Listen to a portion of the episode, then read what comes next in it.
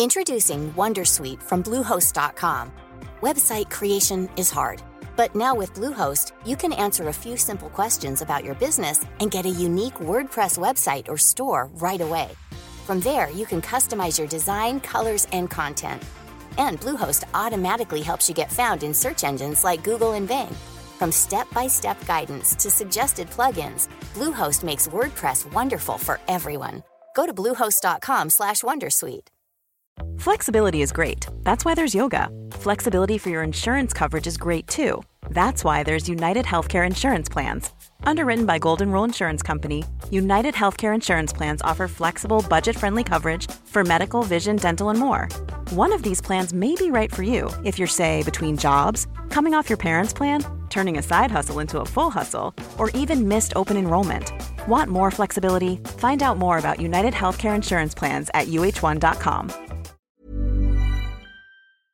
Vi människor småspar dras med i de här bubblorna, för inte minst älskar vi en bra story och hur de här berättelserna om till exempel ny teknikaktier eller Tesla hänger ihop. Och dessutom så omedvetet gillar vi vad de här aktierna eller fonderna säger om oss själva.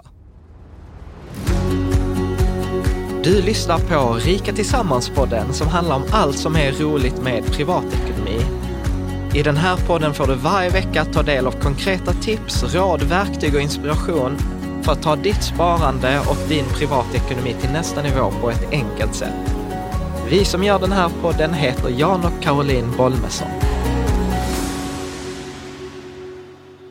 Idag är det dags för avsnitt 168 mm. och eh, idag så tänkte jag att vi ska prata lite om tankespjärn. Eller eh, liksom, Vad det är för något, eller ska vi ha tankespjärn om något speciellt? Vi ska ha tankespjärn om något speciellt, eller det som man ibland brukar kalla för liksom, vad den tionde mannen i rummet, eller kvinnan eh, för, för den delen. Ja, jag glömmer ibland vad det är för något, men vi, vi ska, kommer in på det. Vi kommer in på det. Mm. Så det, detta handlar om lite tankespjärn, helt enkelt att liksom våga ifrågasätta de tankarna man har, se på liksom de antaganden man har gjort från ett annat håll och detta handlar specifikt, jag rantade lite i förra avsnittet om det här med ny teknikfonder och Tesla och lite sådant. Så det kommer att handla om ekonomi? Det kommer att handla om ekonomi. Ja. Eh, och det kommer inte vara så att jag kommer inte försöka göra något case för att argumentera med siffror eller för att det är en mikrobubbla eller någonting sådant, utan jag tänker att precis som vanligt så tittar vi på det från ett beteende mässigt eh, perspektiv. Så att eh, jag tänker att vi ska göra liksom en kort repetition faktiskt, vad det är värdet på en aktie.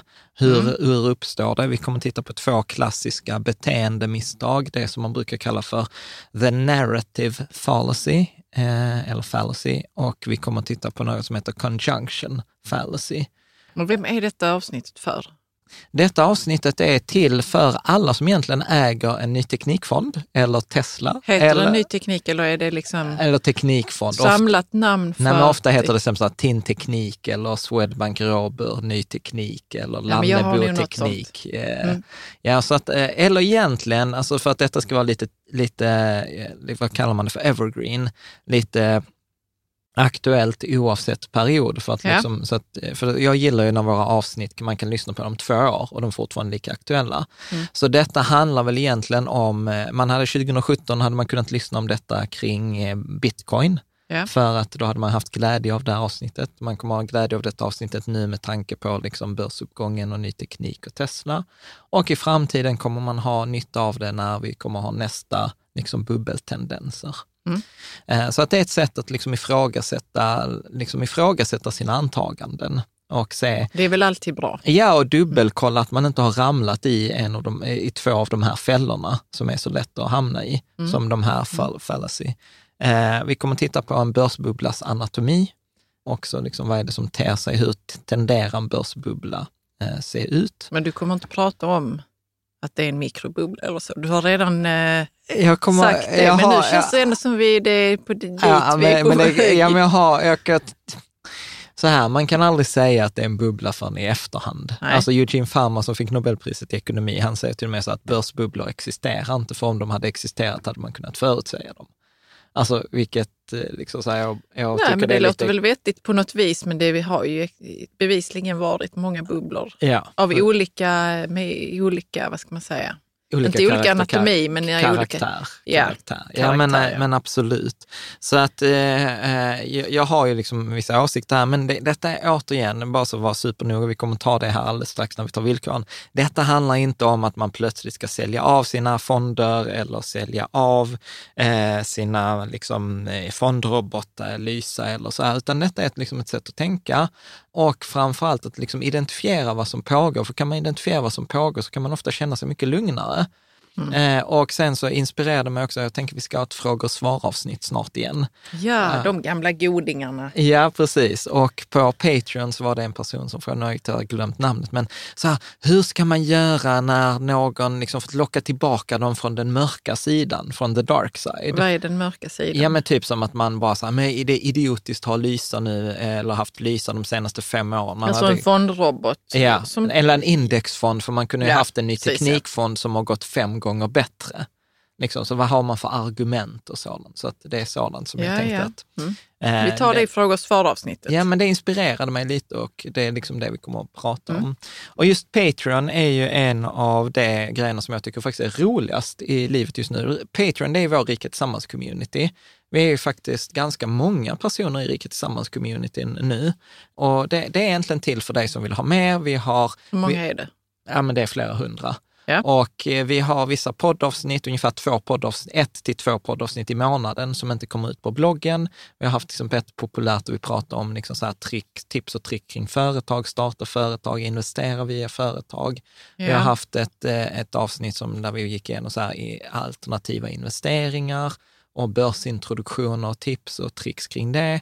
Och vi har liksom eh, kommit med liksom både tips på börsintroduktioner och vi har till och med liksom gjort eh, investeringar till, mm. tillsammans. Så mm. att, eh, och har våra sådana fika tillsammans. Så att det är helt enkelt... Hur kommer man med i community? Yes, man går in på patreon.com snedstreck rika tillsammans.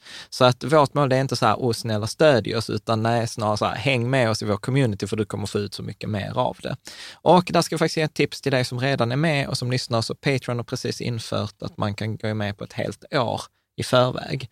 Eh, Hur gör liksom. man? Alltså man bara betalar för ja, man betal, ja, precis. Mm. Och man väljer själv vilken nivå vilken man vill, nivå man man vill, vill engagera sig mm. på. Så det är, det är ju det som gör det möjligt för oss att ha avsnitt som det här, som inte är sponsrat, som inte har någon reklam eh, och så vidare. Du har suttit i 72 timmar. Nej, det har jag inte. ibland det, har du det. Ibland har jag det. Flera men, dagar med research. Men detta, detta har liksom inte varit 70 timmars research, det har varit Nej. lite research. Men, mm. eh, så att innan vi kör igång då, lite så här vilka ansvarsbegränsningar som vår jurist säger vi måste ta, att avsnittet är inte sponsrat och eh, detta är liksom inte personlig rådgivning. Det är inte som vi säger så här, sälj det där eller köp det där i detta avsnittet. Eh, och eh, liksom, eh, som de som på Patreon har följt mig, då vet att jag har ju blankat Tesla och eh, man kan liksom då förlora, jag tror vi har förlorat 40 procent av de pengarna vi har blankat ja, i Tesla. Det kunde jag ge mig tusen. ja. Varför gör du det John? För jag är lite dum i huvudet ja. Eh, och jag vill ha rätt. Men det är väl Kolla så, hur mycket mina Tesla-aktier är uppe i nu. Ja, de är uppe i över 2000 dollar per aktie. Ah. Liksom. Ja, du köpte jag tror för 200 eller 300 dollar. Mm. Uh, ja, vi rekommenderar alltid att börja med avsnitt 99 och avsnitt 133, eh, som är så här, det är liksom basen i sparandet. Och denna information sammansätts på många olika böcker och liksom, eh, länkar och liksom Wikipedia och lite sånt. Vill man veta mer så är det rikatillsammans.se. Vänta här nu, vad sa du att vi, har, att vi har sammanställt våra avsnitt med Wikipedia? Från Wikipedia? Nej, ja, som detta avsnitt... Det är väldigt lite från Wikipedia som... som... Vadå, gillar inte du men Wikipedia? Vi, vi läser ju eh, forskningsartiklar ibland, eller menar du just detta, det är just specifik, detta, specifik, detta specifika ja. avsnitt? Jag tittar på Wikipedia, men jag är väldigt skeptisk. Jag har, en, jag har rättat saker på Wikipedia. Ja, okej. Okay. Det har jag också i och för sig gjort. Liksom, men det borde vara ett tecken ja, att det, det är, är bra. rätt. Det är jättebra. Mm. Bra, men om vi hoppar in i det. Eh, så det finns ju eh, något, ett koncept då som heter the tenth man, eh, liksom den tionde mannens Ja, detta uppgift. är spännande. Här Ja.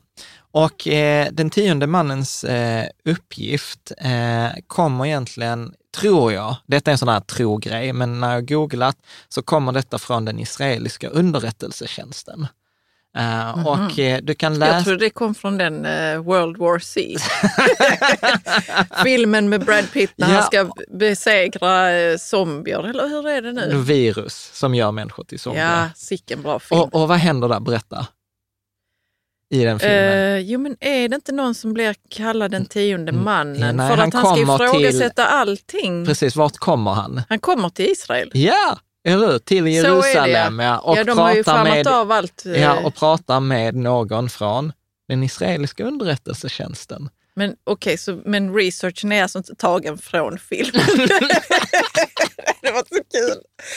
Jo, men det är det. det, är det. Nej, jag har inte tagit det från filmen. Jag tror snarare filmen har tagit det från samma källa som, som jag. Och det var? Och det var en rapport från den israeliska underrättelsetjänsten. Men du kan läsa, du kan, läsa? du kan läsa vad, de, eh, vad som skrivs Okej. Okay. Mm. Following the recommendation of the A Grant Commission in 1973 to 1974, military intelligence established a control unit that was expected to play this role of the devil's advocate. Mm. Its responsibility was to produce a range of explanations and assessments of events that avoided relying on a single concept as happened in 1973. Mm. Så ska vi först ta så här. Okay, ja, vi kan vad, först ta vad det Vad var det, det som hände 1973? Så det som hände var så här, att ja. våren 1973 så fick den israeliska underrättelsetjänsten väldigt mycket då intelligence eller liksom underrättelserapporter om att Egypten höll på då att planera för ett anfall mot Israel. Mm. Okay? Mm. Men eftersom liksom ingen i Israel trodde på Egypten, man trodde inte på deras förmåga att skapa en allians i regionen, så bara tog man det som att det var så här maskirovka, liksom. att det var så att man döljde att det var missinformation och att man försökte lura Israel. Desinformation, Desinformation ja, ja. Man försökte lura dem. Man försökte lura dem. Ja. Problemet var då att, nu minns jag inte datumet, men på hösten 1973 så anföll Egypten och då Israel var mer eller mindre oförberett. Samma dag mobiliserade de, liksom som anfallet kom. Och detta mm. var ju liksom ett mm. katastrofalt misslyckande för hela den israeliska... För de hade ju blivit varnade faktiskt. För de hade blivit varnade, men alla hade avfärdat det som helt osannolikt och nej, detta är inte liksom rimligt och detta är inte liksom den förklaringen och, och, och sådant. Mm. Och detta mm. översattes då av någon som en författare, Brooks, så du kan läsa vidare. Ja. Brooks puts it a bit more dramatically. If 10 people are in a room and nine agree on how to interpret and respond to a situation, the 10th man must disagree. His duty is to find the best possible argument for why the decision of the group is flawed. Mm. Ja, det är superbra. Ja. I like it. Ja, så den tionde mannens uppgift i en grupp med tio personer är att hitta argument för att de andra nio har fel. Men det, det måste ju alltid gå. Ja, ja. Och i vilka situationer behövs detta? Ja, så tar du World War Z, denna kvalitetsfilm. Ja, men det, jag gillar, så, jag gillar så sådana filmer. Ja, ja så, så var ju, då var ju tesen där att alla andra trodde ju bara att det var ett virus som skulle gå över. Eh, liksom att eh, det här med, det var inte odöda eh, liksom, människor, det är ju helt orealistiskt att det skulle vara odöda. Och då, så här, då sa han i filmen så här, ja men så jag, så jag var den tionde mannen och jag utgick från, tänk om det är sant, att det är odöda, vad, behöver, vad skulle vi behöva göra då? Mm. Liksom. Mm. Ja. Nu är det ju lite extremt, men mm. grejen är ju till exempel att jag vet att Ray Dalio använder det i Bridgewater också. Så han säger så att man, verkligheten är inte så som jag ser den, utan jag måste omge mig med människor som ser verkligheten på ett annat sätt än vad jag ser den. Och genom eh, att då ha thoughtful disagreement så kan jag då få den bästa bilden av verkligheten. Eh, så att det är väl egentligen samma. Så att jag tänker lite att i, i detta avsnittet, så liksom så här, men låt oss utgå från att, att ha tankespjärn, eller utgå från den, den här tionde mannen. Att tänk om det är så att teknikfonder som har flera, liksom över hundratusen andelsägare på Avanza, tänk om det är flad, det resonemanget. Alltså med flawed menar du att det är felaktigt. Fel, det är inte felaktigt. Nej, men, men att det är att någonting det... som inte är 100 procent med det. Eller hur översätter man flawed? Ja, skadat. Vi behöver inte hålla på med sådana engelska ord. Ja, men jag kan ju inte det svenska, så att, ja, Nej, skitsamma. Jag kollade på Google Translate sen. Ja, mm. så att jag, jag gillar ju detta och det finns ju faktiskt ett nyhetsbrev som heter The Tenth Man. Eh, Vem är det ifrån? Jared Dillian heter han, eh, amerikan. Och det är ett ekonomi... Eh, Ekonominyhetsbrev, ja. Precis. Så och det läser du väl? Ja, Förlåt jag att jag avbryter hela tiden, men du läser det, ja, jag tycker det med behållning eller? Ja, men alltså som, eh, ungefär som jag läser Expressen från tid till annan. Liksom. Mm. Att det är väl lite underhållning. Mm. Så att det grundläggande, eh, som jag då liksom fortfarande den tron jag har är så här, nej men det går inte att förutsäga marknadens rörelser. Det går inte att göra bättre analyser än andra på kort sikt. Marknaden är till en hög grad effektiv och liksom människor gör eh, beteendemisstag. Liksom. Och och sen så har vi detta som vi introducerade i avsnitt 166 och avsnitt 167 med mediokristan och extremistan. Att eh, liksom det mesta i världen sker i mediokristan, att det är liksom lugnt och man kan förutse det. Men ibland så inträffar extrema händelser. Ja, som terroristdåd eller... Terroristdåd eller bubblor. Pandemier eller, eller pandemier. Något annat, liksom. ja. Ja, och, så, mm. och då saker tenderar att bli lite överdrivna. Så att detta handlar återigen inte om att ändra basen i en strategi enligt avsnitt 199 eller liksom så här våra modellportföljer, utan detta är väl liksom egentligen bara en sak att tänka. Och sen så tänkte jag också liksom att när man då, för, för att jag tror att det är mycket fear of missing out, alltså den här FOMO, att jag är rädd att jag missar någonting om jag inte äger en teknik, ny teknikfond. Ja, för alla andra gör ju det. För alla andra gör det. det liksom. Och jag tänker ju att jag, jag tror att om, om man redan har då till exempel Lyse eller en global indexfond, ja men då har man redan en ganska stor exponering mot då till exempel IT-aktier eller ny teknikbolag. För att ta till exempel, lite grovt, nu förenklar jag lite grovt, men eh, alltså säg att eh, liksom den amerikanska börsen står för 60 procent av börsvärdet, det vill säga köper man en indexfond så kommer man normalt sett få ungefär 60 procent i USA och mm. ungefär 25 procent av den amerikanska börsen består av IT-aktier eller ny teknikaktier. Så det betyder att 25 procent på 60 procent, alltså en fjärdedel av 60 procent, det vill säga 15 procent, är redan IT-aktier eller ny teknikaktier i ditt sparande. Mm. Och då kan man liksom då fråga sig, okej, okay, så motiverad att jag ska ha mer än 15 av 100 kronor i där. Jag har ju redan den här liksom, exponeringen. Ja. Så att jag tänker liksom att låt oss liksom både återbesöka då det här, liksom, så vad består en akties värde av. Och jag tror att liksom man, många gånger så glömmer man bort att en aktie egentligen är en andel i ett företag. Det har vi ju pratat om tidigare. Och genom att jag äger en andel i ett företag så äger jag ju de facto eh, en del av alla det företagets tillgångar och skulder. Och det är det som man brukar kalla för eget kapital. Vad är bolagets egna kapital?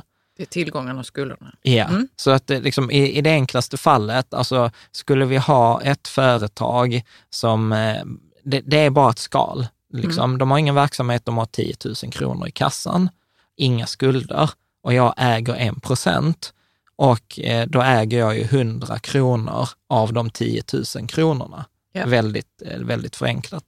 Så att det är liksom basen i, i liksom ett företagsvärde. Sen så har man ju vissa förväntningar om framtiden för det företaget, hur det ska utvecklas i framtiden. Där man säger så här, nej men detta företaget som har 10 000 kronor, vi tror att de har en så pass bra affärsidé, de har så pass bra produkt, så att eh, om de säljer liksom 100 sådana här produkter för 100 kronor det kommande året, så kommer de få tjäna ytterligare 10 000 kronor. Eh, och då, kan, då säger man så här, okej, okay, men då har, det, då har det ett lite högre värde för att om ett år kommer detta egna kapitalet vara högre. Mm. Make sense? Yeah.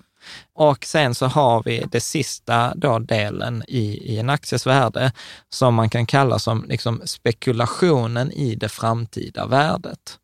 Eh, så att där handlar det om, liksom, okej, okay, vad tror jag att denna aktien kommer vara värd i framtiden som egentligen inte har så mycket med företagets liksom, tillgångar, skulder, egna kapital eller förväntningar om företagets. Eh, vad har det att göra med då? Helt enkelt spekulation. Att liksom. det kommer gå väldigt bra för företaget? Ja, eller, att det är många som kommer vilja ha denna aktien i framtiden. Ja, ja, eh, eller mm. eh, det, det kommer gå ännu bättre än vad, vad företaget säger. Eh, liksom, mm. eh, Så att mm. jag, skulle, jag skulle vilja säga att de första två är det som kallas för liksom fundamentalt, fundamentalt värde i bolaget. De första två? Eh... Ja, förväntningar om framtiden och egna kapitalet. Mm. Liksom. Mm. Och eh, om man då ska titta varför då ökar eh, aktier över tid? Jo, men det är ju då att liksom det egna kapitalet ökar i värde över tid med den vinsten som företaget gör minus den utdelningen som företaget gör. Mm. Eh? Okay? Ja. Och, och, och sen blir det ju naturligtvis följaktligen så att om företaget gör förlust, då minskar ju det egna kapitalet. Eh, och detta, liksom hur mycket detta ökar, så brukar man ju räkna som avkastning på eget kapital, alltså hur duktigt är bolaget att förränta sina, sina egna pengar. Och jag kan liksom från tid till annan fundera, det är ganska intressant att titta på en aktie och försöka sätta var någonstans är det som värdet i den här aktien ligger. Mm. Alltså till exempel Tesla, så, så upplever jag ju liksom att den stora delen i Tesla, det handlar om spekulation i framtida värde. Det är ju inte det egna kapitalet, medan det finns ju bolag som ibland verkligen, liksom, de är inte populära, de är tråkiga, aktiemarknaden gillar inte dem. Då, vet, då kan du köpa ett företag under liksom, dess bokförda värde. Ja, precis. Ja. ja. Mm. Så, så att detta är liksom egentligen den första frågan att börja ställa sig kring till exempel vissa kring IT-aktier eller kring, kring till exempel Tesla eller andra. Var någonstans i vilken av de här tre påsarna liksom ligger det mesta av värdet just nu? Liksom vad, vad köper jag? Köper jag detta för jag tror att någon annan kommer köpa detta dyrare eller köper jag detta för att jag genuint, alltså om vi tar till exempel Tesla, är för att det är så illustrativt. Till exempel Tesla är idag värt mer än Toyota. Mm. Eh, Toyota producerar 11 miljoner bilar per år, Tesla producerar 300 000 bilar per år till exempel. Så att eh, liksom... Och, så då är det, känns det som det är någon diskrepans mellan Ja, att jag skulle säga till exempel Mellan att, vad de gör och vad de är värda, eller? Ja, precis. Ja. För att om, jag skulle, om vi skulle jämföra till exempel, om jag skulle säga så här, Toyota och Tesla, mm. så, så skulle jag säga att Tesla, eller Toyota värderas ganska mycket på eget kapital och förväntningar av framtiden. Det är ingen som liksom tänker så här, du vet, ja, men Toyota kommer vara dubbelt så stort nästa år, utan Nej. Toyota är ganska liksom, tråkigt. Det känns som ett moget Det känns som företag, ett moget ja. företag. Liksom, de, är, de är duktiga, medan Tesla har ju liksom den här hypen och förväntningarna om framtiden och liksom alla de här berättelserna om Elon Musk och Tesla. Mm. Så att, så mm. att eh, om spekulation i framtida värde är väldigt liten i Toyota, så är spekulation i framtida värde väldigt högt i, i Tesla. Ja, fast hur högt är ju svårt att säga. Ja, absolut. Det är ju jättesvårt, för Toyota har också eh, försökt att ha sin, sitt, eh, vad kallar man det, sin, sina berättelser. Ja, ja, precis, fast de är ju inte i närheten så bra som Teslas. Ja, det är de kanske inte, nej. Nej. Alltså så här, du som brukar prata om att saker ska vara sexiga. Ja. Jag berättar en sexig historia om Toyota. Nej, men jag kommer inte ihåg någonting nu. Nej, men det, det finns ju ingen, där finns ju ingen, men liksom berätta en sexig historia om Tesla. Ja, det finns. Ja, det är ganska, det du vet, så här, du vet, han skickade ut en Tesla i rymden med liksom radion på. Ja, eh, och liksom. så spelar de David Bowie. Ja, eller hur? Är, ja, men det... Ja, mm. eller hur? Han har förändrat en hel eh, bransch. Eller hur? Mm. Elbilar mm. är framtiden. Eh, Elon Musk, liksom så här, vet, nästa vecka, vet, han har sina företag. Alltså, det finns liksom massor av historier och vi kommer, vi kommer att prata om, om det där. Jag tror att det är bara så här, en reflektion för sig själv. Var någonstans ligger liksom värdet i, i... Ja, men jag känner mig ändå inte superklar eh, över eh, ifall det är något fel med det eller inte. Liksom. Var, eh, var blir det så osunt? Var blir den här, det här värdet osunt? Ja, jag, upplever... jag tänker att Toyota har väl ett sunt värde, men samtidigt så kan det ju vara så att Toyota jag tar felbeslut som yeah. gör att de inte hänger med i den här eh, ja, och jag Min argumentation och... är inte för att Toyota är en bättre aktie än Tesla. Nej, min, men min... Vi, gör, vi, har inte den argumentationen nej. alls, utan det är mer så, vad, vad ska man gå på egentligen? När man, eh, Nej men alltså man kan ju börja, man alltså, köpa här, alltså det, beror, det beror på också vad man har för strategi. Alltså ja. är man, är, man, är man liksom någon som tycker det är kul med aktier, då skulle jag kolla så här, försäljningsprognos, tillverkningsprognos, alltså så här, finansiering etc. Track record. Och, och det är väl det, det som många liksom invänder mot Tesla till exempel, att jag upplever ju att att konsensus någonstans, om man tittar på fundamentalt värde och förväntningar om framtiden, ligger på ungefär 1300 US-dollar per aktie för Tesla. Och jag tror kursen bara häromdagen var över 2000 dollar. Så att jag upplever till exempel att med nästan 50 procent av värdet i Tesla just nu är spekulation om framtida värde. Mm. Men är det fel då? Ja, nej, men du kan ju ha liksom risken, vad, vad händer om, liksom, du vet, eftersom det bygger på förväntningarna, vad händer om de förväntningarna inte uppfylls? Då kommer ju, då kommer ju det kommer, rasa. Ja, ja, då kommer aktien att förlora i värde. Ja, Ja. Precis. Bitcoin var ju samma sak. Bitcoin kommer att förändra världen etc. Var på över 20 000 dollar. Jag vet inte om det är snällt att, Nej, men, att jämföra bitcoin och Tesla. Men, eh, jo, men, men, men det, det, är ju liksom, det är ju en spekulation. Mm. Ja, ja, det är en spekulation. Ja, och, men jag bara undrar så, eh, om det är fel? Nej. Med spekulationen? Nej, jag tror alltså, bara man vet vad man gör och varför man gör det. Och det är väl liksom alltså, det jag vi ska har ju komma... Tesla-aktier och de har jag ju köpt för länge sedan visserligen. Ja. Eh, men det var ju för att jag gillade eh, själva idén med att, att, det ska vara, att det ska vara sexigt att vara miljövänlig eller liksom att, att gå den vägen i alla fall. Mm, absolut. Och eh, det var inte det på den tiden när jag köpte dem. Det var det är inte en enda jävla mulltoa som var sexig eller det är inte en enda bil som var det. Nej. Nej, absolut. Och men, men, jag men håller är... ju fast vid aktierna för att jag gillar ju hela tanken med Precis. Eh. Ja, det är väldigt eh, bra historier kring ja. Och eh, vad Elon Musk håller på med på andra plan också, ja. med rymd, eh, SpaceX och så. Ja. Och vi ska komma in på så detta med det, historier. Det är därför ja, kommer jag att vi ska absolut. prata om det här narrative. Fallacy. Ja, narrative, alltså berättelse. Narrativ ja, heter det på svenska också. Narrativ. Jag tror inte att man narrativ, ja. Och det äh. finns överallt, finns inom politiken. Oh, det... ja, ja, ja, absolut. absolut. Men, men det viktiga där är så här, du äger ju inte aktierna primärt för att tjäna pengar på dem. Nej, där var det bara för att jag gillade Ja, och då blir det så att, då, precis, och då spelar det dig egentligen ingen roll hur aktien går. Nej, jag har ju haft dem länge. Liksom. Ja, för du gillar berättelsen. Du, du, alltså så här, och detta är ganska intressant, för du gillar dessutom också vad de aktierna... Kommer någon analys här. Nej, men du gillar, du gillar vad den aktien säger om dig. Jag är en person fast, som äger Tesla-aktier. Ja, fast förutom här i denna podden ja. så har, går jag inte runt och säger att jag äger Tesla-aktier. Det gör jag inte. Det är jättepinsamt. Att, att, eh, ja, det är, det är jättepinsamt att erkänna att de säger någonting om en. Ja. Varför är det pinsamt? Det är väl bara liksom... Alltså bara, bara acceptera det. Jag vet inte. Ja, för att vi håller ju hela tiden på med sånt. Ja. Medan jag... Kläderna vi har och klockorna vi ja, bär. Och... och jag kan ju också säga så att en anledning varför jag gillar blanka dem, för det säger också ja, någonting. vad säger det om dig? Ja, det säger, Berätta det vad säger... du tror att det säger om dig. Ja, det, säger, det, det, det talar ju rakt in i mitt signifikansbehov. Att jag är annorlunda från alla. Du är inte som alla andra som bara inte... åker på den här ja, Tesla-trenden. Ja, jag, jag kan minsann tänka själv. Jag har minsann en annan åsikt och jag är beredd att sätta pengar bakom den. Ja, som du hittills har förlorat 40 procent. var det viktigt att säga? Nej, det var det inte. Det var det faktiskt inte. Men, Men jag roligt. förstår varför du har tagit upp den här The Tenth Man. Ja.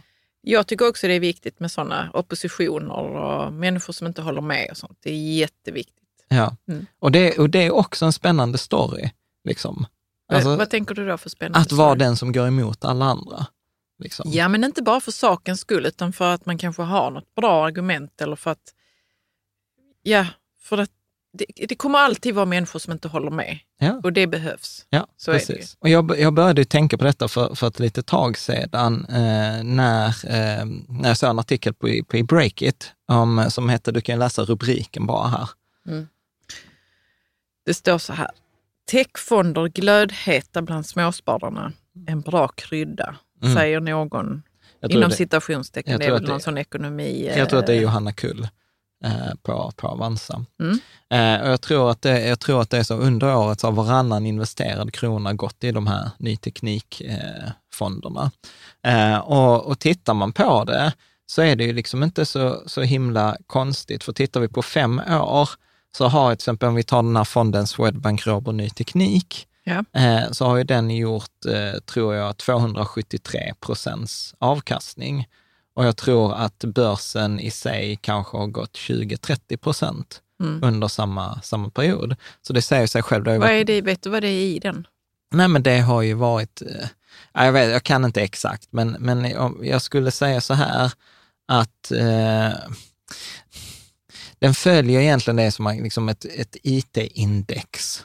Ja, finns det? Ja, Ja, ah, ja. det visste inte jag. Ja, nej, men alltså ett branschindex för IT-aktier. Sen finns det liksom olika IT-fonder, som då, eller ny teknikfonder, som investerar till exempel i biotech eller, liksom, eller i bara de här stora IT-aktierna, typ Apple, Facebook, Amazon, eh, Netflix, Google mm. eh, etc.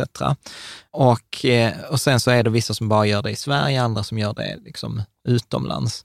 Så att de har lite olika, men grejen, det som jag tycker är intressant, är att om man börjar titta på dem, som vi tar till exempel Swedbank Robur Ny Teknik, för det här är en sjukt bra story liksom, okay. Eh, kring de här. Och tittar man på ännu längre sikt, alltså tittar vi på, jag tror, vad, vad tittar jag här, en graf på sedan på 10 eller nästan på 20 års sikt, alltså sedan 1998, så har vi alltså över 10 gånger pengarna, trots att vi har eh, liksom IT-bubblan 90, vad var det, 99, 2000. Ja. Eh, ja. där. Så att vi har ju liksom sett en enorm uppgång. Och eh, detta är, alltså så här, det är inte relevant för dig som bara lyssnar, titta på de här graferna. Om du vill titta så har vi alltid bildspelet i samband med eh, avsnitten. Och det som jag tycker är så fascinerande är ju då till exempel att Swedbank Robur eh, Ny Teknik hade två förvaltare som då hade den här stora uppgången och de har ju blivit hyllade. Och jag vill också vara jättenoga så att jag har liksom ingenting emot de här två fondförvaltarna. De har säkert gjort ett bra jobb, men samtidigt, alltid när jag tittar på aktiva fondförvaltare så jämför jag alltid med indexet. Mm. Och börjar vi jämföra till exempel Swedbank Robur Ny Teknik med ett liksom IT-index, så skiljer det sig inte så himla mycket. Så det är alltid där som vi har pratat om i tidigare avsnitt, hur mycket är skicklighet, hur mycket är tur? Men, att de bara gjorde, att de bara hade, de bara hade Ja, men de var, de, var, de var liksom. precis, och vi kommer att prata om det för att i en story så brukar vi eh, liksom eh, nedvärdera saker som till exempel tur. Att hade de satsat, bara varit fondförvaltare i en verkstadsteknisk eh, fond, så hade de aldrig haft tio gånger pengarna under den perioden, oavsett hur duktiga också, de är. Nej, men jag tänker också att det måste ha funnits en uppsjö av aktier inom tech genom de här åren ja. som man kanske inte skulle satsat på. Precis, men då hade man ju avvikit från index. Ja, och det, och det gjorde ju. de inte. Nej, de avviker Så de har ju ändå haft tagit beslut. Ja, men ta, om vi tar till exempel så här, de hoppade av Swedbank eh, Robur eh, ja. då. Eh, den här startade ett eget fondbolag som heter TIN Fonder och det har ju blivit så här jättepoppis. Så Avanza naturligtvis, som är ett vinstdrivande företag, då startar de en ny fond, då TIN, eh, TIN World, eh, World Tech är med. Och, och sen har de haft en fond som heter TIN Ny Teknik. Så de liksom hoppade av och sa så här, varför ska vi göra detta för Swedbank när vi kan starta ett mm. eget fondbolag och ta hela liksom, avgiften själva? Och tittar vi då till exempel, eh, vad har jag tagit här, senast under hela liksom, tidsperioden, till exempel den här TIN Ny Teknik, så när de startade sitt egna fondbolag, så har ju de liksom gått i princip exakt som Swedbank Robur Ny Teknik som den gamla fonden. Den gamla... Ja, fast det är väl inte så upprörande? Nej, men... De gör väl... samma sak som de gjorde på Swedbank. De ja, har nog inte men, ändrat eh, nej, men strategi. Om, nej, men om det handlade om fondförvaltarna, att de var så himla duktiga, borde inte liksom Swedbank gå sämre då? Eftersom de har ju ja, lämnat... Ja, okej, de hade nya fondförvaltare på Swedbank. Ja, för de har ju lämnat de här två stjärnorna. Ja. Liksom. Och återigen, ja, du har en poäng. Du har en poäng. Ja, liksom, återigen eh, så handlar det inte om att basha dem, utan det handlar om att leka den här tionde mannen, leka djävulens advokat. Att, och vad säger djävulens advokat här nej, Men att djävulens advokat säger här, precis som vanligt, hur mycket handlar om skicklighet, hur mycket handlar om tur? Mm. Eller det vill säga, om vi översätter det till lite mer tekniskt fondspråk, hur mycket handlar detta om alfa och hur mycket handlar detta om beta? Och beta är ju det som marknaden ger, den avkastning som marknaden ger. Och alfa är den över eller underavkastning som, ja. som jag betalar för. För återigen, jag kan köpa en teknikfond för en avgift på kanske 0,2 eller så kan jag köpa deras för 1,6 procent.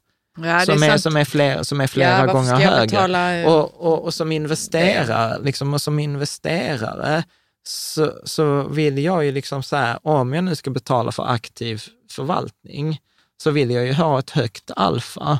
Och det vill säga att det, det ska ju skilja sig mot marknaden, det ska ju skilja sig mot andra fonder. Mm. Men jag upplever inte att det gör det. Vadå upplever? Man kan bara titta på siffrorna väl? Ja, men alltså nu, alltså för jag kommer säkert få liksom så tionde mannen, på min tionde man kommer säga så här, men nu har du tagit Swedbank, hade du tagit Lannebo Teknik eller hade du tagit iShares eller du vet så här, att man kan alltid visa det, det man vill. Men jag, jag upplever inte att det är någon massiv skillnad eh, mellan då till exempel eh, Swedbank, Robo Ny Teknik före och efter att de lämnade. Nej. Liksom. Förstår? Eh, men det finns ju så mycket som talar för att Swedbank kanske bara behöll alltihopa som de hade tagit in där. Ja, precis. Och sen, de har väl inte förändrat särskilt mycket antar jag? Utan de, säkert körde de på. Ja, eller så, är det, eller så är det ju bara så att eftersom man äger samma aktier så kommer liksom så påverka marknaden, alltså betet påverkar mer. Ja. Eh, liksom. och, och, och återigen, det är Men inte... vad är en massiv eh, skillnad och vad skulle det vara för dig?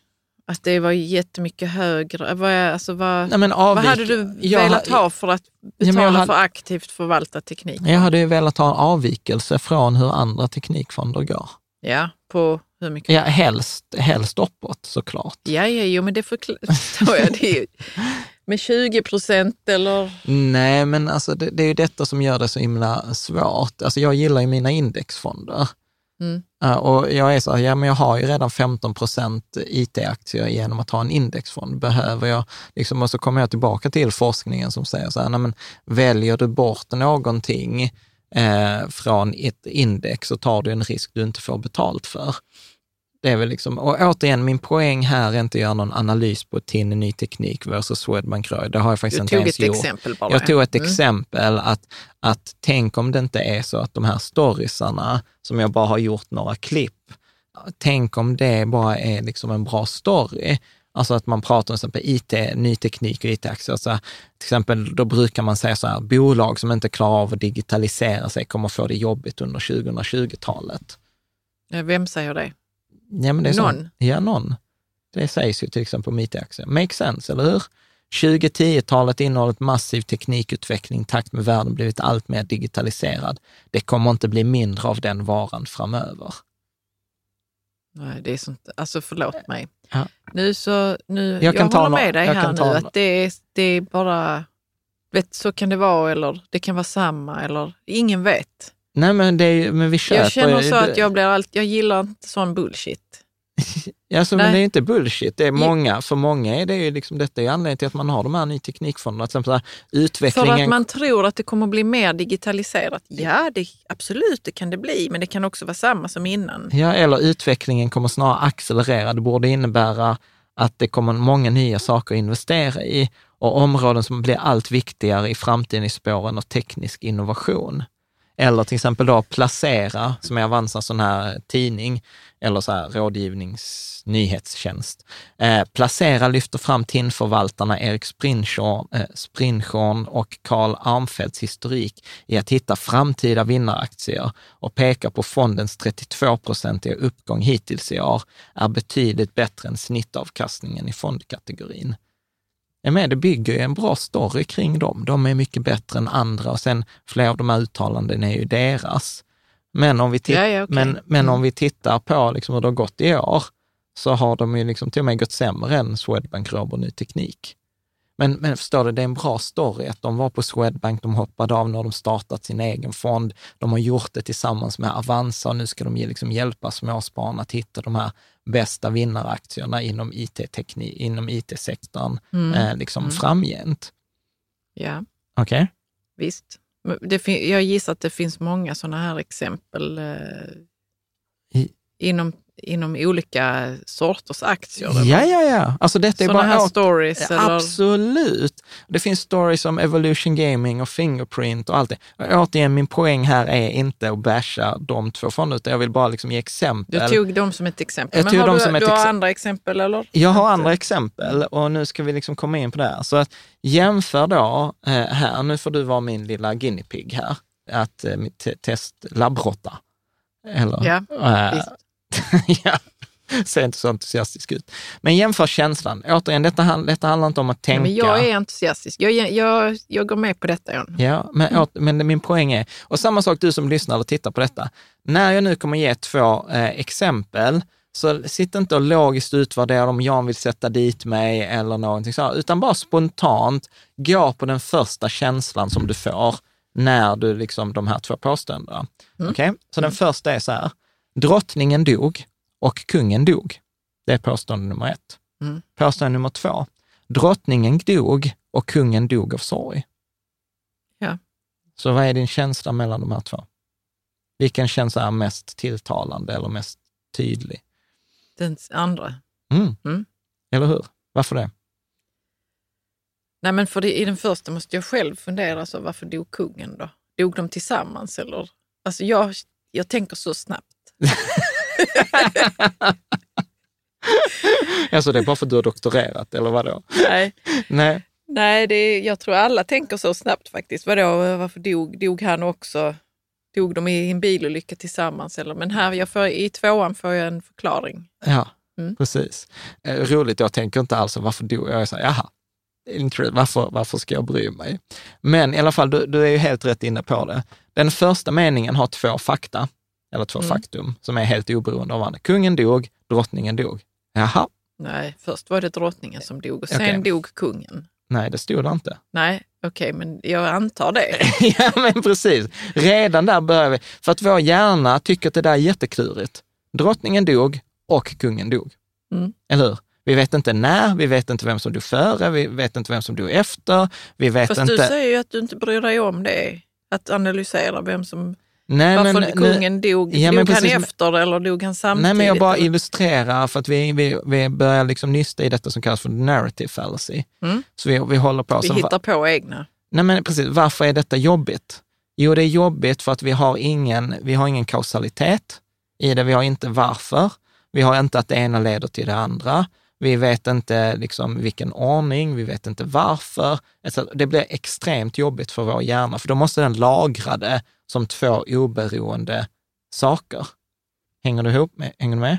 Mm. Den, ja, är det svårt för oss att lagra det som två oberoende saker? Eller? Ja, men jämför det med att lagra det som den andra meningen har egentligen mer information och gör dessutom en koppling. Drottningen dog och kungen dog av sorg. Mm. Gärna om, så här, om vi hade dessutom haft med sen, drottningen dog och sen dog kungen av sorg. Mm. Mycket enklare att komma ihåg eftersom vi förstår varför kungen dog, för han dog ju av sorg.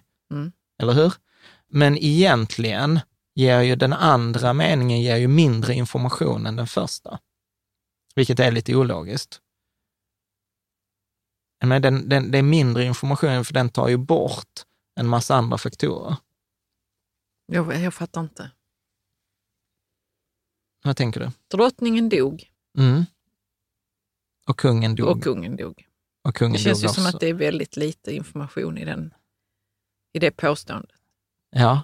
Och sen så får jag mer information om själva orsaken till döendet för kungen i alla fall. Ja, vi, vi går vidare. Alltså, du säger att jag får mindre information än i, ja, egentligen. Ja, jag påstår ju att den andra, är, alltså om vi ska ta detta ur ett investeringsperspektiv, liksom, så skulle jag säga att den andra är sämre för att den, den första kommer ju ge upphov till fel, fler följdfrågor och förmodligen en bättre analysprocess. Kommer ja, det vi har pratat okay, om ja. utifrån ett investerings, investeringsperspektiv mm. så har vi sagt så här att vikt, syftet med att investera är inte att tjäna pengar, syftet med att investera är att fatta ett bättre beslut. Mm. Vi tar ett annat exempel, okej? Okay? Ja, men jag, kan, jag hajar det. Mm. Så vilket påstående, nu är frågan inte så vilket som känns, utan nu ska du svara på vilket som verkar mest sannolikt. Ja. Okej. Okay. Eh, Peter verkade lycklig. Han mördade sin fru. ja. Eller, Peter verkade lycklig. Han mördade sin fru för att få hennes arv. Okej, okay, men det är logiskt ju. Ja, så vilket är mest sannolikt? Tvåan, tror jag. Nej, men vänta. Vad var frågan? Att jag, vilket som var mer sannolikt? Ja, mest sannolikt. Vilket gillar du mest? Jag, jag vet inte, John. Du gillar, alltså så här, du sa ju tvåan. Vi gillar, ja. De flesta av oss gillar tvåan mer. Peter verkade han mördade sin fru för att få hennes arv. Precis samma sak som med kungen. Kungen dog av sorg. Du vet, vi lägger till en förklaring. Oavsett om den förklarar... Det är för att hjärnan är lite lat. Den vill gärna veta. Ja. Så att den kan avfärda och gå vidare till nästa sak. Ja, precis. Låt oss ta Medan en... om den inte får en förklaring, då uppehålls man i det. Ja, precis. Precis. Och då Lägger kan vi energi på det. Precis. Mm. Och då kan vi bara liksom säga, nej men då kan jag gå vidare. Okej, mm. vi tar exempel nummer tre. Mm. Eh, Linda är 31 år gammal. Hon är singel, hon är smart, hon säger vad hon tycker. Hon har en universitetsexamen i filosofi. Som student var hon väldigt engagerad i frågor som gällde jämställdhet, diskriminering och hon deltog också i demonstrationer för, liksom för klimatet och mot kärnkraften. Mm. Vad är mest sannolikt? Linda jobbar på bank, det är alternativ ett. Eller Linda jobbar på bank och är engagerad i feministrörelsen. Det är ju... Alltså vad fan, John? Jag vill säga tvåan. Ja, de flesta säger tvåan. Det... Ja, fast jag tror inte på det. Varför inte? För, du, för nu är du uppsatt. För nu kommer det såna här... Bli uppsatt för att bli blåst? Nej, inte bli blåst, utan för att visa upp mina fördomar om banktjänstemän. det är en konservativ bransch. Jag tror inte det är så många som är ute efter att förändra den heller ens. Okej, okay. okay, om jag hade sagt så här, Linda jobbar på universitetet som nummer ett och nummer två, Linda jobbar på universitetet och är engagerad i feministrörelsen. Absolut. Vilket? Ja, ja. Tvåan? Att hon jobbar på universitetet och är engagerad i feministrörelsen. Okej, okay, det känns mycket bättre. Ja, ja. Inte på bank och jobbar för feministrörelsen. Men jag hoppas, jag hoppas att det är så att det finns i verkligheten. Mm. Mm. Okej. Okay. Spännande att höra vad, vad, vad, du som lyssnar eller tittar, vad du valde. De flesta i alla fall, när man har gjort det. Daniel Kahneman och Amos Tversky gjorde detta experimentet. Detta kallas för the Linda experiment. Uh, och vad är, vad är ut... Jag är fortfarande brainfucked här. Vad är utgången på? vad utgången är detta, att det är, ju, det är fel. För Vilket är fel? Två, alltså vad som är mest sannolikt är nummer ett. För och vad var nummer ett nu? Säg det igen. Att hon jobbar på bank eller universitet eller whatever. Bara hennes tricket, yrke? Tricket, Bara hennes yrke? Trick, ja, tricket är här, det första alternativet är så här, eh, A, eller hur? Och alternativ nummer två är A och B. Och sannolikheten för att någonting som är A och B är alltid mycket lägre eller samma som A. Ja, okay? absolut. Mm, så att ja. sannolikt, och så din fråga var ju vad är mest sannolikt? Så om vi tar i detta fallet, jag ska bara, bara ta ett enkelt räkneexempel. Eh, så om vi, om vi sätter liksom en ganska låg sannolikhet för att Linda jobbar på bank, till exempel. Om vi säger att sannolikheten är 5 procent. Så det, det, är så här 95, 95 eh, procent att eh, hon är engagerad i feminin, alltså att alternativ B har en mycket högre sannolikhet, 95 procent, så kommer ändå en kombination av A och B vara lägre än A på egen hand. Mm. För i detta fallet så får du en sån här, vad är det, jag får alltid fel på de här, conjunction, konjunktion kanske på svenska, att du multiplicerar de två sannolikheterna. Så att då blir det, ja, då blir det 0,05 mm. multiplicerat med 0,95 och 0,95 gånger 0,05 är 0,0475. Mm. Så sannolikheten för att hon jobbar på bank blir då i det fallet 5 eh, procent men att hon jobbar på bank och är engagerad i feministrörelsen är bara 4,7 procent. Ja, jag förstår det. Men alltså, du hade lika gärna kunnat säga att hon jobbar på universitet. Ja, ja det spelar ingen det här, roll. Det blev lite fel här nu för mig, för jag trodde ju inte att hon jobbar på bank. Nej, men det spelar ingen roll. Det var därför jag bytte det mot universitet. Ja, precis. Trick... För då hade jag ju bara svarat kristallklart ja och gått i fällan. Ja, ja Precis. Mm. Så jag ska komma ihåg det. Inga fler exempel med bank note to self. Att konservativa banktjänstemän skulle vara engagerade i ja. feministrörelsen. Ja, det får och, du komma och, ihåg att det, det ja. är inte sannolikt för mig. Och då okay. går jag inte i din fälla. Ja, fast du gick ju ändå i den. Du ville ju ja. svara två. Skit, ja. ja. Skitsamma, kan alltså även så här professorer, statist, statistiker svarar ja, jag vet fel. Att alla är, svara, svarar fel mm. eh, på, på det här. Och, och, och detta, är liksom, för detta hänger ihop med de här, liksom att om vi hör en bra berättelse som hänger ihop, så gillar vi den. Och vi kommer ihåg en, en berättelse med fakta mycket bättre än att bara komma ihåg fakta på sig själv. Mm. Kan eh. du säga det igen? Ja, vi, Säg det en gång till Jan. Vet du vad jag har fått? Detta är en sån här, ett, ett stickspår här nu, eller vad man säger. Ja. Parentes. När jag jobbade med forskare mm. för att få dem att eh, paketera sina budskap lite bättre så att folk förstod vad de sysslade med och förstod alla de här svåra eh, begreppen och så vidare. Mm. Då sa jag så, ni ska använda storytelling. Mm. Och jag fick höra mm. Jag fick höra, jag vill ha upprättelse här nu. av mig? Ja, av dig här Vad va, va, har, har sagt, jag gjort? Du har sagt att man kan komma ihåg fakta bättre om man får det paketerat i en historia. Ja, det sa jag precis. Ja, du sa det. Ja. Visst sa du det? Ja. Ja, jag tyckte väl att jag hörde det. Jag har väl alltid sagt det. Jag vill bara att resten av Sverige ska höra detta.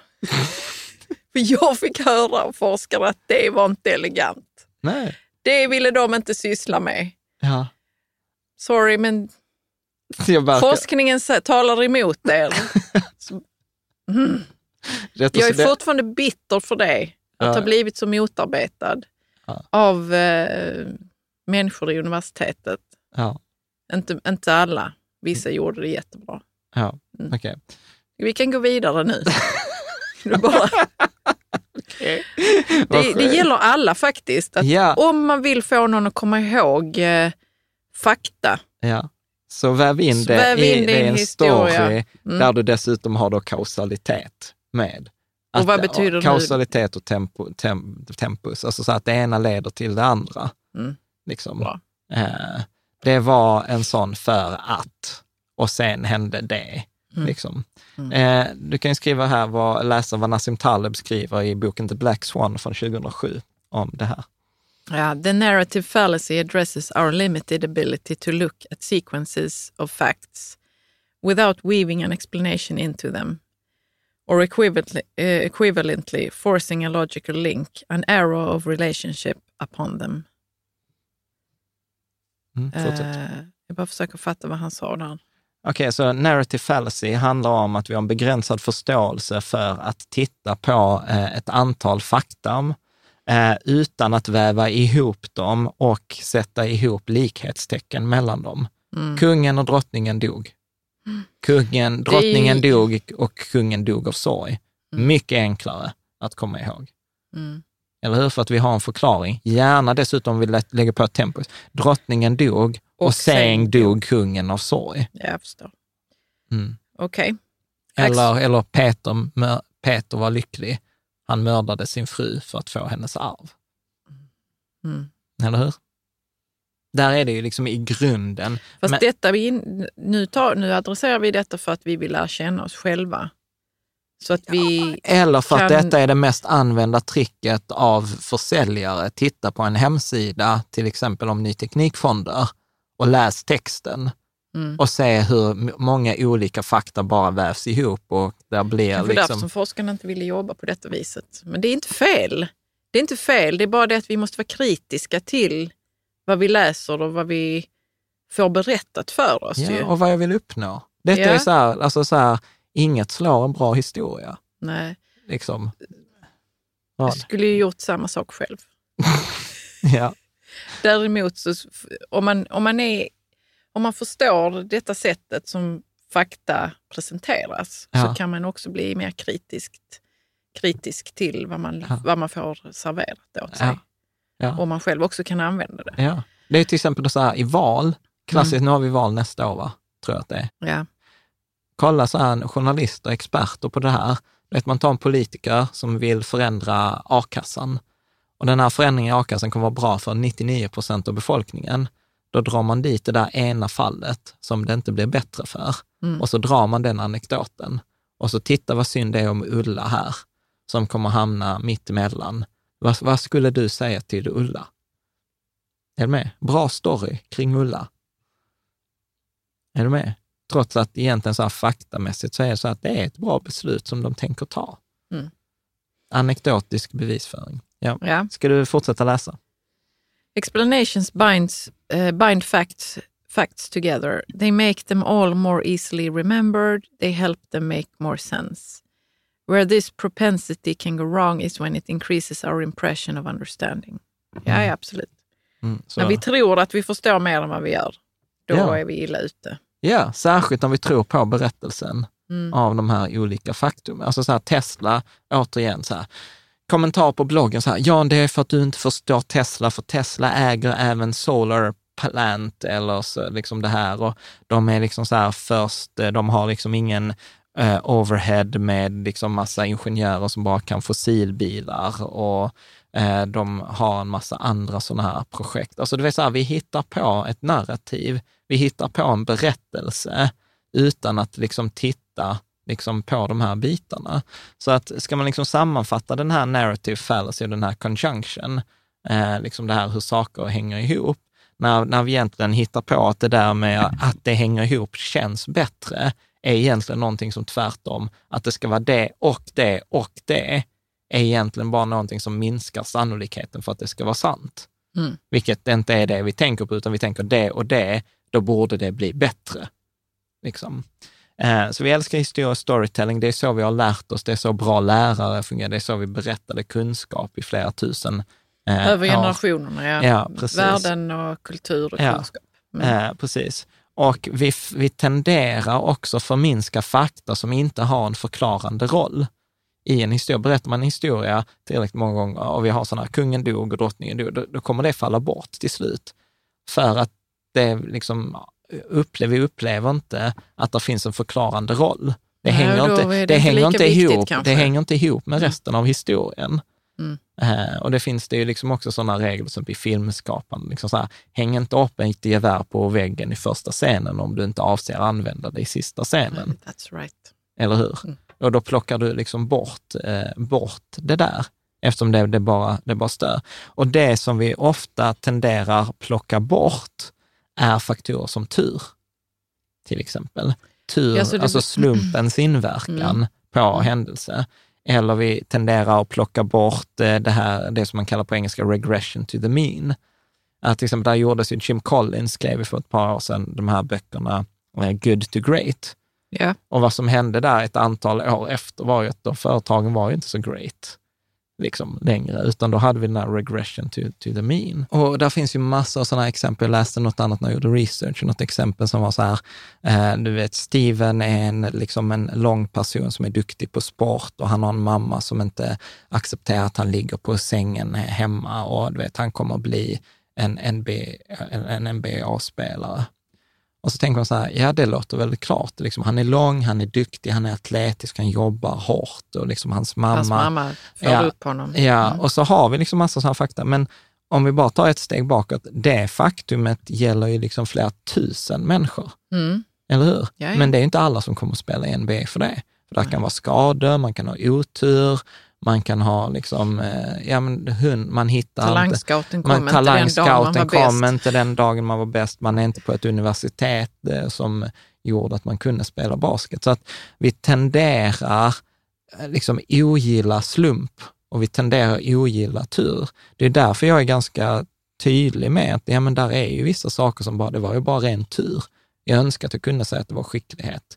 Men det kan ju liksom handlat om tur. Men till och med när det gäller slump och tur så vill vi förklara det med hårt jobb leder ja, till mer tur. Ja, ja, ja, såklart. Och så kan det ju vara. Ja. Fast jag, jag vet inte. Nej. Är det, är det så? Tror nej, och det, nej, ja, jag vet inte. Jag tror, att, och, och jag, jag, jag, jag, tror, jag tror att det viktigaste är som vi kommer att titta på här alldeles strax, är att, att börja då lämna, eh, liksom att istället för att lyssna på storyn, Alltså titta, liksom till exempel Charlie Munger, Warren Buffett, sån här draghäst. Nej, vapendragare. Vapendragare. Mm. Han är ju så här fan av checklistor. Mm. Liksom, som gör att man systematiskt kvantifierbart går igenom, till exempel innan man investerar någonting, istället för att lyssna på en bra story. Eh, en annan sån här som borde tilltala dig, det är att lyssna på data istället för anekdoter eller experiment istället för historier. Mm. Liksom, och att värdera Absolut. erfarenhet istället för historik. För historik kan man ju alltid, jag kan alltid dra fram någon graf som visar liksom under någon tidsperiod, som visar på det jag vill göra. Mm. Uh, så att jag, jag tror att det handlar om att försöka identifiera vad det är som jag vet i förhållande till det som jag tror. Uh, och det kan, det kan vara lite, lite klurigt, för att liksom jag som älskar försäljning, jag vet ju att det som säljer är ju en bra story. Liksom. Och, all, och det kan man ju komma ihåg, alla som kommer vilja ha dina pengar kommer ha en bra story. Vi ska faktiskt göra ett eh, avsnitt med, jag tänker jobba på att göra ett avsnitt tillsammans med en polis eh, som jobbar med bedrägerier. Ja. Sådana, sådana ekobrott då? Ja, eller? bland annat. Mm. Bland annat. Så han hörde, Mikael heter han. han ja, men det, hörde, vill vi, det vill vi absolut Han hörde, ja. hörde av sig, men det var lite roligt för att när han... Så här, ett tips till er som lyssnar, som är poliser. Så här, ni vet att när ni skickar ett mejl med er signatur, så är det som... Du så vet, står det så, polisen i sydvästra Skåne ja, eller ja, nej, nej, men precis, eller så här bedrägeriroten. Du vet, och för mig, jag, vet, jag blir ju som, som när jag blir stannad av polisen vid så här alkoholkontroll. Gjorde jag nu? Så är min första, jag precis, igår? Min första, har jag min druckit för, idag? Ja, precis. Min första tanke är så här, när drack jag senast? Sen kan jag komma på så här, sex månader sedan eller så här. Och så, så berättade jag det för Caspian, då, kollega till mig. Och så sa han så här, ja det finns ju ett sånt uttryck som heter så här, han rodnade bara som en oskyldig kan. Han rodnade. Ja, eller liksom mm. han, eh, eh, och det är alltid så att så står det bara så, bara, så är det liksom första, första tanken. Ja. Nej men det är jättekul. Skicka från er Gmail istället. Nej, ni kan skicka det. Det är roligt att höra. Eh, liksom. Och tack till er som ja. jobbar inom både försvar och vård och polismakt. Jag tycker att ni gör ett fantastiskt eh, jobb. Men i alla fall, eh, så att jag ska försöka, vi ska försöka göra ett avsnitt med, med honom. Ja. Och, och jag tror att det där är en av de frågorna vi ska ställa frågor. För jag tror att alla som jobbar med med, liksom som luras, har sjukt bra, alltså de är master storytellers. An, annars hade de ju inte jo, absolut, lyckats. För då, eller att man, för just när det gäller storytelling också så behöver man inte ens berätta hela historien. Nej, ibland är det bättre för att, att då är det bättre, tror jag, när man ringer i alla fall. Ja. Nu är jag, jag vet inte, jag bara gissar här. Ja. Man ringer och ska, och ska lura någon att ta fram sitt bank-id. Ja då måste man ju ta en halv historia och sen så utspelar sig resten i den ja, uppringdes huvud. Ja. Att nu har det värsta hänt. Ja, ja, eller annat. Alltså det är samma som jag läste på Quora. Eh, jag, gillar, jag har börjat gilla Quora. Jag vet ja, att du det har gillat... går i perioder för mig. Ja, men då var det också någon som skrev så här, du har aldrig haft riktigt roligt innan du har skickat ditt första Nigeria-brev. och du vet, så här, jag bara är så här, Nej, jag kan fatta att det måste ge upphov till några liksom så här roliga Jag vet trådar. inte, jag, jag har nog dålig fantasi. Vad ger det upphov till? Jag vet inte, men vi, vi, det finns Kan vi inte bara det, stanna vid det, Jan? Vadå? Om man nu skickar ett Nigeria-brev och ber någon om pengar ja. för att få ut sin prins till bror som har blivit felaktigt fängslad av en diktator. Ja, så, så du verkar ju veta mer Ja, vi låtsas att det är så. Ja. Vad är men det man kan där, få tillbaka för mejl? Ja, men redan där är det en bra story. Man blir ju lite så här, varför är prinsen fångad och liksom så här, hur kan jag hjälpa till och liksom. Ja, det, men vad är det för mejl man får tillbaka? Jag kan inte ens föreställa mig. Ja, jag vet inte heller. Vi får ju testa det. Man får kolla. Mm. Äh, nej, vi, man, ska vi, inte, man ska inte testa det. Grejen är att vi stämmer av det med polisen innan vi gör det. Ja och vad, som är, vad vi ska göra för att ja, det inte ska vara olagligt. Nej, men vi ska inte göra något sånt covid. Okay. Eh, eh, och, och där finns ju ett TED-talk där det är någon som svarar ja, på sådana här... Det är en komiker som berättar hur det går till när man svarar på sådana där Nigeria-brev. Ja, precis. Och man, hur man Han kan, har ju ganska hur man kan eh, strunt samma, säg det. Ja, nu, säg det. Vi kan lägga en länk, vi kan mm. lägga mm. det. Bra. Så att jag tänkte så här, det sista vi ska ta här bara kort, eh, apropå då tionde mannen, eh, så finns det en eh, fransk eller spansk, nu vet jag inte vilket land han är från, men det finns en professor, tror jag, eller, eller disputerad eh, person som heter Jean-Paul Rodrigue, som 2008 blev ganska känd för att göra en graf, alltså en aggregerad graf över en börsbubblas eh, anatomi. Mm. Alltså hur tenderar en börsbubbla se ut? Och så sa han så här, där är fyra distinkta faser och denna liksom grafen kan man mer eller mindre applicera nästan på alla bubblor. För det, det var det han konstaterat, oavsett om det är bitcoin eller Tesla eller ny teknikaktier eller it-aktier på 90-talet, de tenderar att se likadana ut. Eh, vad? Ja, jag är intresserad här nu hur, ja. när du lägger uh, upp Teslas uh, aktieuppgång jag har inte lagt, bredvid denna jag har inte uh, gjort, aggregerade anatomin av en bubbla. Det känns som att det är lite förakt i rösten älskling. Nej, men jag vill gärna se det. Ja, men du ska få se det. Vad bra. Ja. Eh, så, så säger han så här, det består av fyra stycken faser. Här, vi kommer lägga ut länk också eh, till det här, för detta är en ganska intressant bild. Så den första fasen kallar han då för stealth phase, eller smygfasen. Och eh, här, den aktören, det är ofta så här smarta pengar. Så till exempel här investerar man i bolag som kommer till exempel börsnoteras eller man köper bolag med rabatt eller liksom så här. Där finns en väldigt tydlig anledning till varför man köper liksom en hundralapp för under hundra kronor. Mm. Eh, så ofta brukar man kalla för smarta pengar. Till exempel på Patreon så gjorde vi en sådan affär under 2020 när vi investerade i ett onoterat eh, investmentbolag. Den andra fasen, det är den uppvaknande fasen och här kommer de mer institutionella investerarna in. Det är ofta pensionsfonder, stiftelser, eh, börsnoterade fonder. Är det fonder. att de upptäcker att det här de är en upptäcker, bra precis, att nu har den liksom initiala uppgången har ju skett och nu ser man så att långsiktigt kommer detta bli en bra affär och man ersätter ofta de smarta pengarna så att man gör liksom ofta en vinsthemtagning. Och vad som händer då ofta är att vi får se en första nedgång. En mm. liten, liten nedgång då det sker en vinsthemtagning och detta kallar man då för en björnfälla. Liksom att folk tror att det kommer bli björnar nu, alltså björnen river ju ner aktiekursen och tjuren yeah. drar upp den. Men här kommer vi hamna i fas 3, som är då den kallade, så kallade bubbelfasen. Och här är den främsta aktören eh, då allmänheten. Och här är det ju då liksom några olika saker som alltid händer. Media vaknar, till exempel så här, var med på uppgången, Tesla har gått upp från 300 till 600 dollar. Till exempel när du köpte så var det ju, du köpte ju här i uppvaknande fasen. Mm. Du köpte ju innan det blev populärt att äga Tesla, vilket du märks ju på börskursen. Eller hur? Mm. Sen blir det ju entusiasm, titta detta går bra. Eh, sen blir man liksom, kommer den här girigheten, jag vill också eh, tjäna pengar på den här. Det går alltid upp. Och sen så blir det så här, det är annorlunda nu och liksom man, man lite ser ner på de som inte köper. Och liksom det som är så spännande med en liksom bubbla är ju att den tenderar alltid att dra in Alltså den drar in folk, den drar in de här som är skeptiska och sen drar den in de som är negativa. Men är det att, inte liksom... därför att man är rädd för att missa någonting? Ja, ja, ja mm. absolut. Och sen när den liksom är på toppen, sen så kommer då den fjärde fasen som är liksom själva kraschfasen.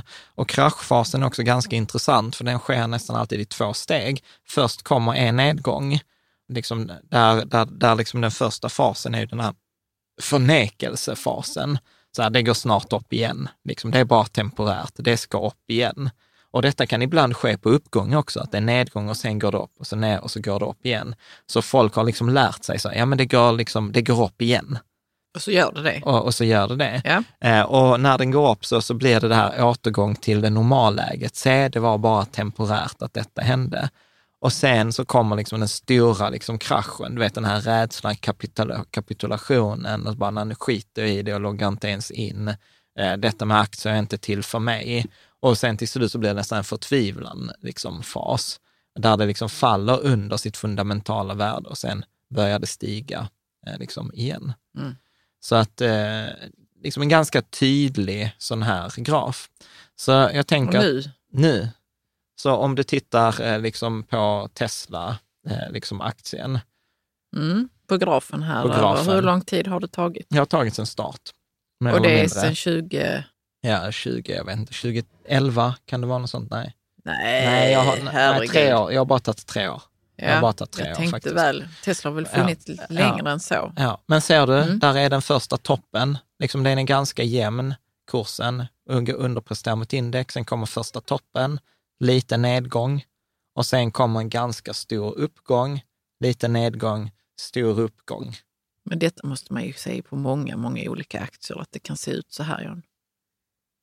Vi, att de ja, går upp? De, ja, det men inte, inte, så här, ja, inte så här exponentiellt. Alltså, kolla här.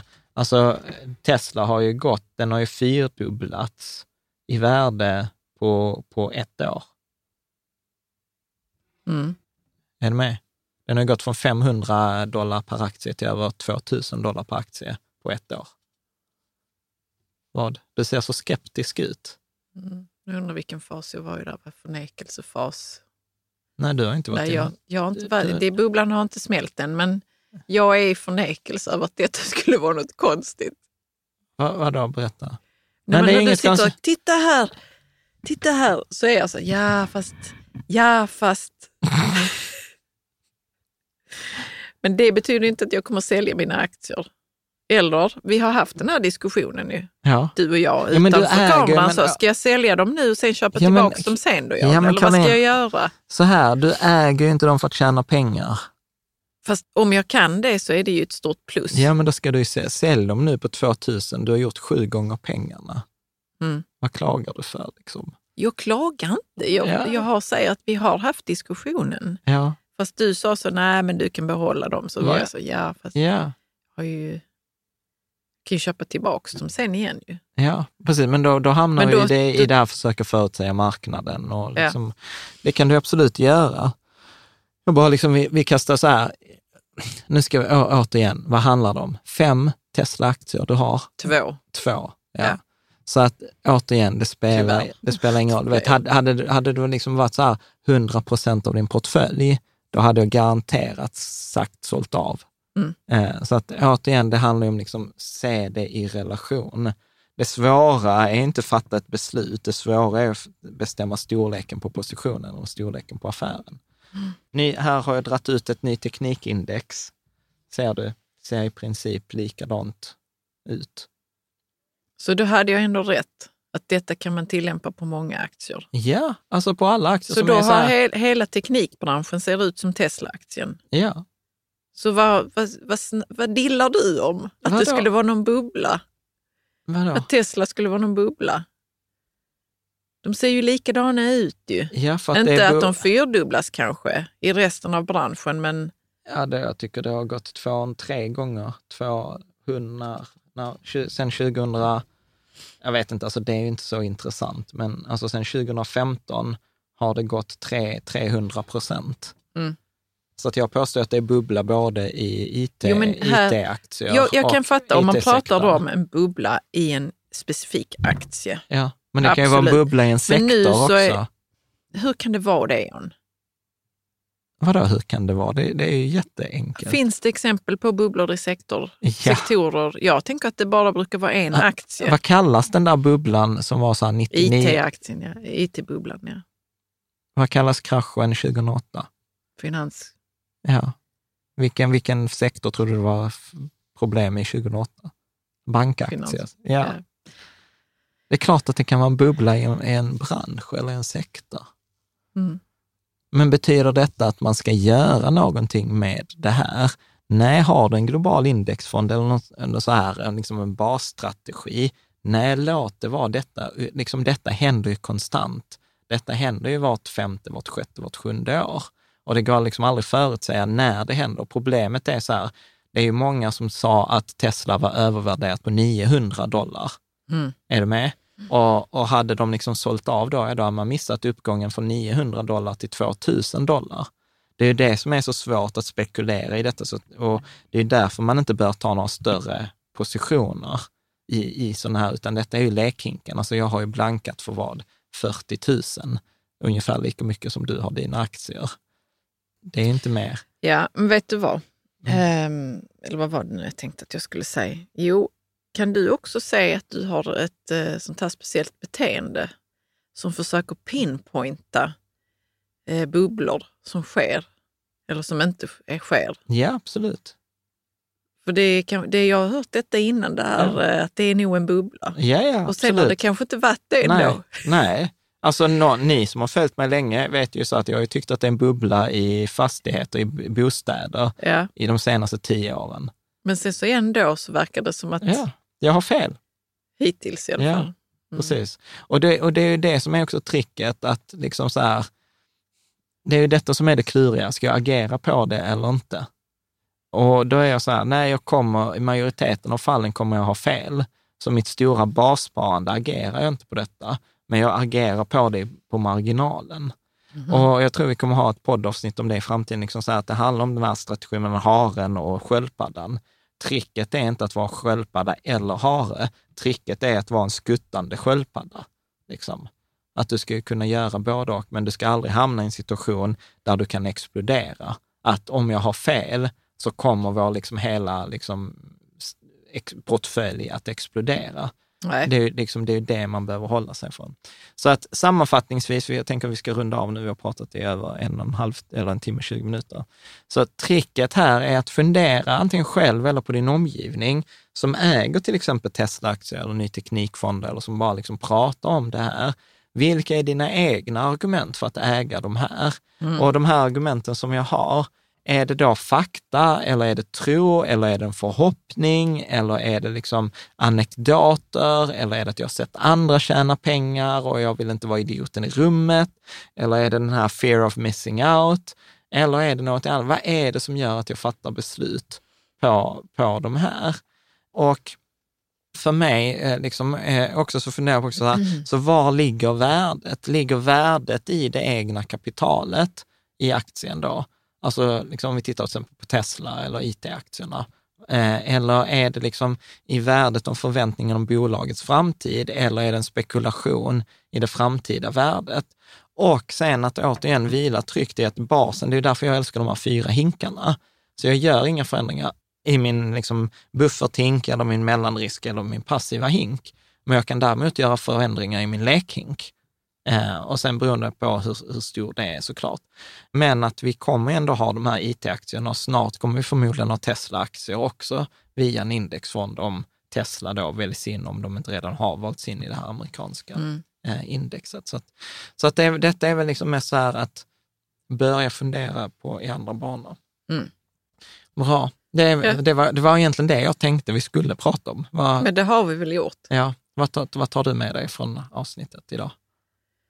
Eh, nej men det var kul att prata om den tionde mannen. Ja. Och eh, jag tycker vi kan nog diskutera det vidare. Faktiskt. Ja, jag tror att det är ett väldigt eh, bra, det finns en sån här bra fråga, så här, vad är det min hjärna gör för att lura mig nu? Eller vad är det andra vet som inte jag vet? Mm. Det är två sådana, två jättebra frågor, eller en tredje sån här bra fråga för tionde mannen, som är så här, om detta går åt helvete om ett år, vad är det som har gjort att det gick åt helvete då? Mm. Och det kan man fråga i vilket projekt eller vilken investering eller precis vad som helst. Grymt! Eh, tack så hemskt mycket till dig som har lyssnat och tittat och jag tänker att vi ses förhoppningsvis nästa vecka igen. Mm. Ha det så bra!